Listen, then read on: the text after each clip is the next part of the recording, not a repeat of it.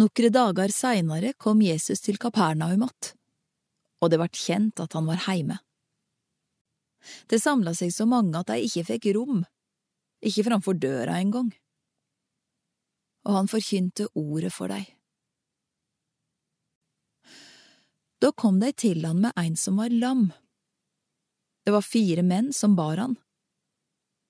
Men siden de ikke kunne komme fram til han for alt folket, braut de opp taket over den staden der Jesus var, laga ei åpning og firte ned båra som den lamme låg på.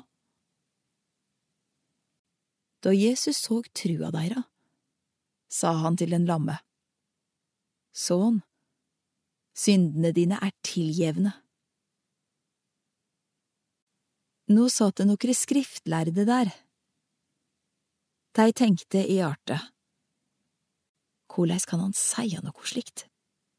Han spottar Gud. Hvem andre kan tilgi synder enn ein, det er Gud.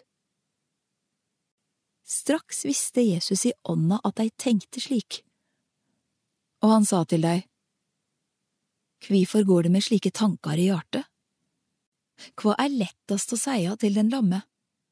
Syndene dine er tilgjevne, eller stå opp, ta båra di og gå? Men for at det skal vite at menneskesonen har makt på jorda til å tilgi synder.